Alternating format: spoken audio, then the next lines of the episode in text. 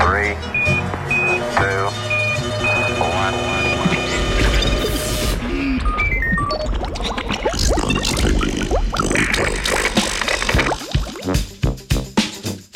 Ženska, ženski, kaj? V današnjem zbritofu razčlenjujemo članek s prvimi ključnimi besedami: evolucijska psihologija treh avtoric, pazi zdaj to, o ženskih strateških obrambah proti istospolni agresiji s primeri iz mode. Kako gredo skupaj evolucija, psihologija in oblačila, oziroma zakaj ne gredo, je tema primerna za kak daljši komentar. Članek pa naslavlja to temo takole.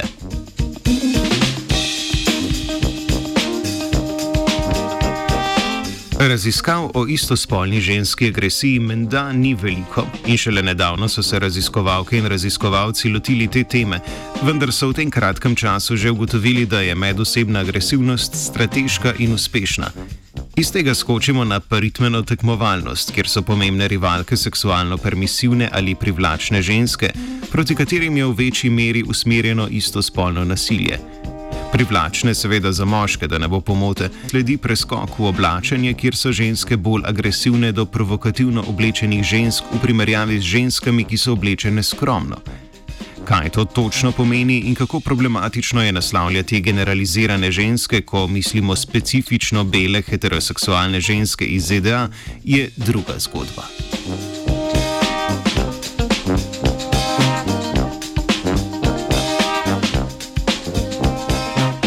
Vprašanje raziskave se je tako glasilo. Se ženske zavedajo, da z oblačili, ki razkrivajo telo in lastno fizično privlačnostjo, tvegajo istospolno agresivnost? Dalje pa še, kako se strateško soočajo z istospolno viktimizacijo? Zaenkrat zveni kot victim blaming, ampak empirični znanstveni članek je vendarle znanstven članek, objavljen v znanstveni reviji. Kako se je tega lotila omenjena raziskava in kakšni so bili rezultati?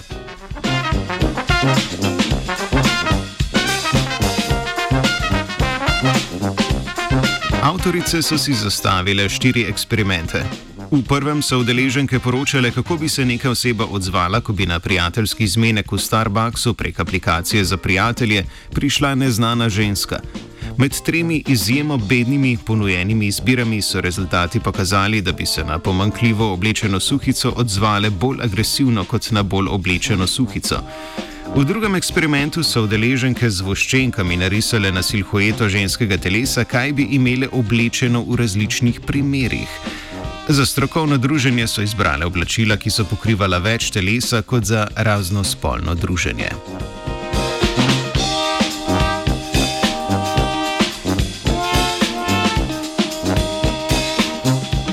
V tretjem so izbrale dva outfita za dogodek z istospolnimi ali raznospolnimi udeleženkami.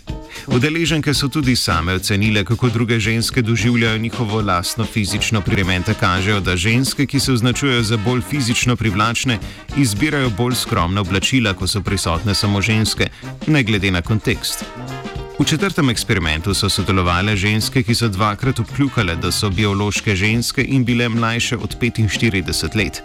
Ocenile so lastno privlačnost in navedle, kako bi se oblekle glede na določen scenarij.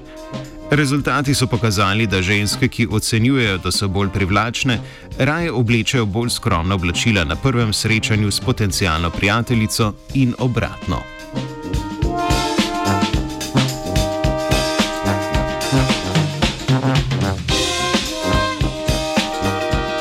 Raziskovalke na podlagi rezultatov tukaj paušalno obnovljene raziskave sklepajo, da se ženske zavestno oblačijo. Več kot to bi bilo problematično povzeti po članku, sploh glede na nedorečen vzorec, nedorečene kulturne koordinate prostora in generalizirano žensko, ki je bela, heteroseksualna in tako naprej in tako naprej. Otroci, ne verjemite vsemu, kar preberete na internetu, tudi če se kaže kot znanstven članek.